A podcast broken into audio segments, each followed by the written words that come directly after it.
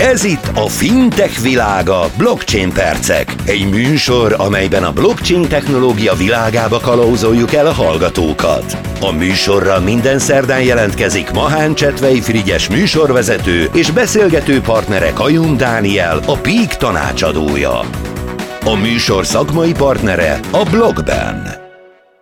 A fintech világa Blockchain percek mai rovatában is Kajum Dániellel fejtünk. Egy kicsit mondjuk elvontabb történet lesz ez a mai, hiszen a hype-ról beszélgetünk, nem úgy általánosságban, amit reményeink szerint azért nem kell a kedves hallgatónak elmagyarázni, hogy mit is jelent, hogy valamit nagyon-nagyon mondjuk uh, reklámozunk, vagy nagyon nagy divat valami. A hype szónak és kifejezésnek azt a tartalmát próbáljuk meg definiálni, amely most legújabban már ugye a metaverzumban is terjed.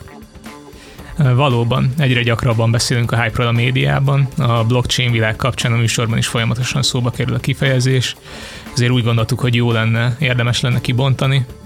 Ha valaki a régi Anglia slang világába megragadt volna, akkor neki még kábítószerről lehet ismerős a hype szó. Komolyan. Igen, régen erre használták, mint slang kifejezés, vagy kábítószer használókra, ma már viszont szerencsére más jelentéssel bír. Cambridge szótás szerint egy olyan szituáció, amikor valamit nagyon gyakran, akár túlzottan sokat emlegetnek a médiában, óriási felhajtást keltve, és ez természetesen ott volt a kriptovalutáknál is, NFT-knél és a metaverzumnál. Néha nekem, bocsánat, hogy megakasztalak, az egész egy ilyen nagy hype-nak tűnik. A adott pillanatokban.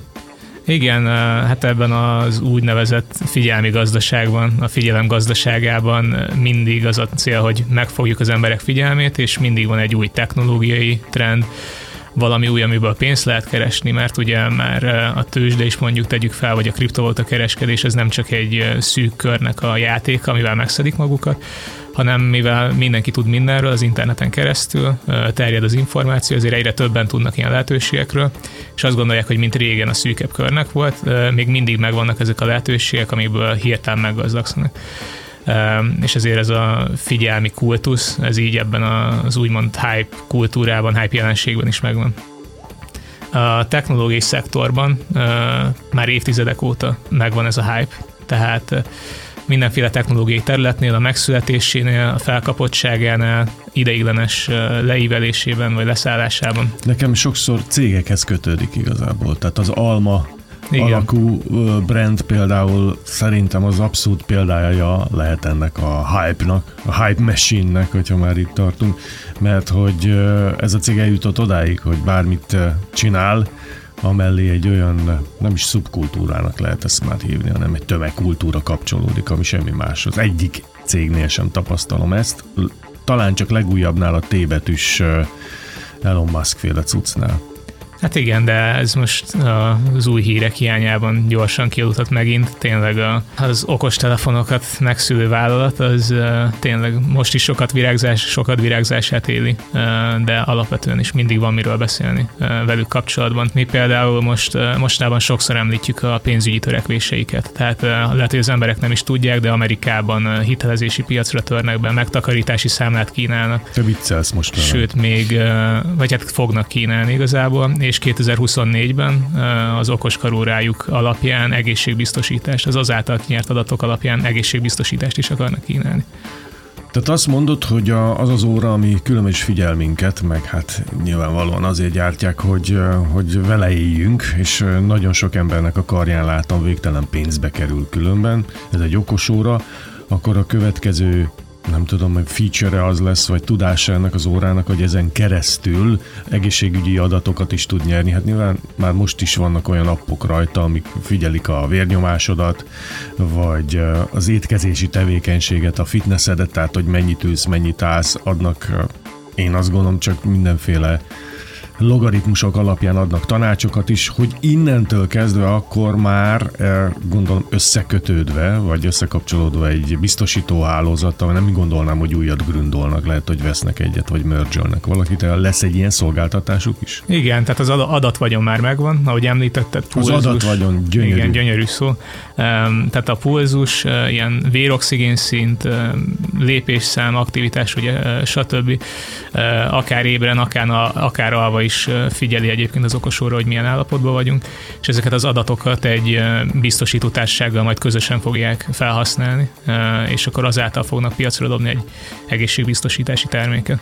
Na hát köszönjük szépen, ez is jó kis info volt. Menjünk a Hype Machine-ra tovább. Hát igen, de hogy egyik vállalatról egy másikra ugorjunk, a Gartner, egy kutató tanácsadó informatikai cég, amely saját magáról nevezette egy hype ciklust, ami a technológiai területek sorának igyekszik megállapítani az érettségét. Ez olyan, mintha azt mondanám, hogy van kajum axióma?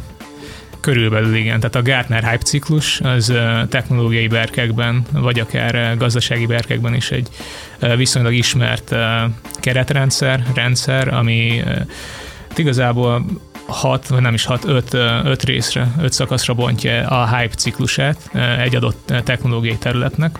Ezek az innovációs kiváltók, a felfokozott elvárások csúcsa, a kiábrándulás mélypontja, a felvilágosodás emelkedője, és végül a termelékenység platója.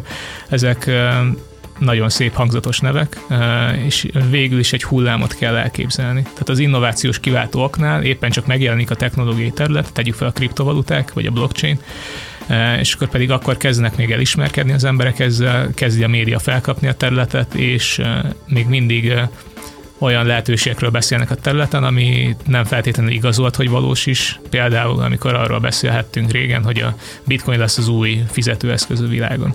Ez most már kiderült, hogy nem így van, de ilyen, ilyen példákra kell gondolni, nagyon nagyok az elvárások. Bocs, hogy visszatérve a bitcoinra, szerinted ők most hol tartanak ebben a bizonyos hullámban? Hát maguk a kriptovaluták azok, azok az utolsó előtti fázisban a felvilágosodás emelkedőin vannak, most már kezdenek normalizálódni az elvárások, és a Gartner szerint ilyen két éven belül már megütik a plafonjukat, akkor körülbelül már tudni fogjuk, hogy mire jó, mik lehet, miket lehet velük csinálni, és nem lesz túlzott hype körülöttük. Itt most azért kell ezt megegyeznünk, vagy figyelmeztetnünk a kedves hallgatót, vagy hallgatókat arra, mint minden alkalommal elmondjuk, hogy befektetni ilyesmibe csak is kizárólag nagyon-nagyon fegyelmezetten, körültekintően, és tudva azt, vagy bírva azt, hogy ez egy óriási nagy rizikó, és ahogy Dani is mondta, hogy hol tart a genézisébe a kriptovaluta, jól látszik, hogy kb. két év múlva fog kiderülni egyáltalán az, hogy azt a sok-sok betett zsét, amit a világon ezt meg, megkockáztattak, majd valaha valaki viszont látja-e. Hát igen, két év múlva az fog látszódni, mik a lehetőségek, viszont ez egyáltalán nem indikatív arra, hogy mi lesz az árfolyammal. Az vélhetően nagyon sokáig, akár örökre volatilis marad, tényleg nagyon óvatosan, csak elfogadható összeggel, magának elfogadható összeggel szálljon be bárki. Ezt mindig mondjuk, hogy egyik pillanatra a másikra eltűnhet a teljes befektetése, mint történt idén a Terra Lunánál, vagy a Terra USD-nél. Neked meg van még a bitcoin befektetésed? Igen, de még nem nyúltam hozzá. El kell mondanunk a hallgatónak, hogy mivel a Dani ebben dolgozik, ő neki ez azért kell, hogy lássa, hogy hogyan működik, és mi történik vele, tehát olyan kis mennyiség ez, hogy nem őt kell keresni mindenféle vállalati hitelezésért, hanem ő abból tanul, hogy mit történik. Jó gondolom? Igen, tehát alapvetően kis pénzre is be lehet szállni akár tegyük fel pár ezer forinttal is már be lehet, nem kapunk egy teljes bitcoint, viszont egy úgynevezett töredékes befektetés, egy nagyon kis részét megkapjuk egy bitcoinnak papíron, és annak is követhetjük egyébként az árváltozását. Ez akár egy ilyen kezdeti belépésnek is jó, hogyha valaki érdeklődik a terület iránt. Én sem ebből tervezek meggazdagodni, sőt, személyes megjegyzés, én eddig mínuszba vagyok, és ezen nincs probléma, én erre, erre felkészültem, de ilyen alapon fektessen be bárki, hogy könnyen, egyszerűen elveszheti majd a befektetését. Van hozzá valami app, amint tudod követni a mozgásokat, vagy annak a tőzsdei rendszernek, amiben megvetted, vagy amivel kereskedsz, nézed, hogy mi történik naponta, vagy kapsz ilyen notification hogy most ez történik, az történik? Hogy hogyan képzelje el egy átlag hallgató azt, hogy neked van egy ilyen kriptovalutád? A legnagyobb kriptotősdéknek, kriptokereskedési felületeknek eh, nagyon jó alkalmazásaik vannak. Eh, itt említhetjük mondjuk a Coinbase-t, én ezt használom, mert eh, ez egy tőzsdén jegyzett cég, nagyobb a bizalmam benne, mint mondjuk a másik nagy alkalmazásban, a Binance-ben. Mindemellett vannak informatívabb applikációk és weboldalak, ilyen a CoinGecko, CoinMarketCap, ezek tényleg historikus múltbeli árváltozásokat mutatnak, jelenlegi piaci helyzeteket. Kereskedni nem lehet, viszont sokkal több információt lehet meglátni, sokkal többet lehet itt tanulni, ha valaki így érdeklődik. És akkor adott esetben vehetünk mondjuk egy média jelenséget is, mint mondjuk a hype-ból, és akkor pedig azt be is köthetjük a jövőbeli elvárásainkkal kapcsolatban a befektetéseink során. Tehát ha visszatérünk mondjuk a hype-ra, a hype ciklusokra, akkor magának a blockchain és Web3 területnek is van egy saját ilyen ciklusa, saját kifejezéseivel, tehát így egy hullámnak kell elképzelni. Egy emelkedő fázis után egy kis ideig magas csúcson szinten marad majd a hype, aztán pedig nagyot zuhan, és végül pedig egy kisebb emelkedővel középen normalizálódik valahol, ha valaki szeretné elképzelni ezt a hype ciklust, a hype hullámot. És akkor most a legérettebb fázisban a blockchain világban a kriptovaluták vannak, amiknek így a potenciálja az így körülbelül két éven belül fog beérni, utánuk jönnek a decentralizált alkalmazások, ezek ugye központi szereplő nélküli bármilyen alkalmazások lehetnek, főleg az Ethereum születésének, az Ethereum hálózatának születésének köszönhetjük, hogy léteznek ezek és a harmadik helyen a blockchain tárcák vannak, ahol ugye lényegében tároljuk a kriptovalutáinkat, tároljuk az adatokat. A metaverzum az például a hype ciklusnak a legelején van, még csak megjelent, nagyok az elvárások, nem normalizálódtak. Ez a Zuckerberg féle történet, vagy már önmagában a metaverzum általánosságban? Mert hát, itt ugye Magyarországon nagy a nagy az átfedés szerintem az emberek fejében. Egyáltalán már aki gondolkodik a metaverzumról, mert ugye súlykolja, az is egy hype, Igen. hogy a Mark Zuckerberg által tulajdonott cégnek a neve nagyon-nagyon nagy ötlet volt szerintem, hogy átnevezték, az meta, de a metaverzum az pedig teljesen más. Igen, tehát hogy van maga a metaverzum, ez egy szélesebb körű dolog, és ennek egy része, ennek egy szereplője a Zuckerberg féle meta. Nagyon ügyesen próbálják összemosni a kettőt, azt akarják mutatni, hogy ők a főszereplők itt, vagy akár övék az egész, de alapvetően egy nagyon nagy ökoszisztémáról van szó. Viszont itt a Gartner szerint még több mint tíz év kell minimum, hogy láthassuk, hogy mik a, mik a reális lehetőségek. Végül a néha száraznak tűnő technológiától eltérve szeretnénk minden érdeklődőnek a figyelmébe ajánlani egy igen fontos társadalmi kérdést felkaroló programot. A fintech.hu és a PIK kezdeményezése ez, a Women in Finance, azaz a nők a pénzügyben a szektor sokszínűségét támogatja, és az, hogy a terület döntéshozói körébe egyenlő eséllyel kerüljenek női vezetők.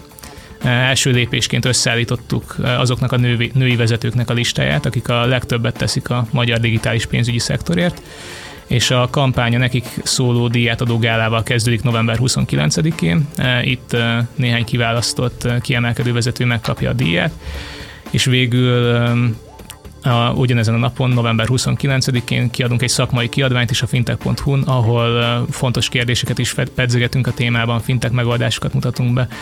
Lényegében bemutatjuk, hogy hogy látjuk mi a helyzetét a pénzügyeknek, digitális pénzügyeknek a női szerepvállalás viszonylatában.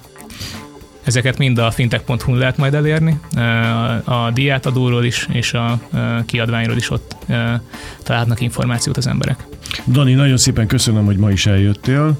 A fintech világa blockchain percek mai rovatát hallotta a kedves hallgató. Itt a Special Editionben a Trend FM-en jövő héten ismét folytatjuk. Szép hetet! Ez volt a Fintech világa. Blockchain percek mai adása a blogben támogatásával. Visszahallgatható a fintech.hu hírportálon, a rádió műsorok fül alatt, illetve a műsor Spotify csatornáján, ahol az összes korábbi felvétel is elérhető. Amennyiben kérdésük vagy témajavaslatuk van, írjanak nekünk a fintech.hu-n, a kapcsolatok menüpontban megtalálják elérhetőségeinket. Köszönjük, hogy ma is velünk tartottak!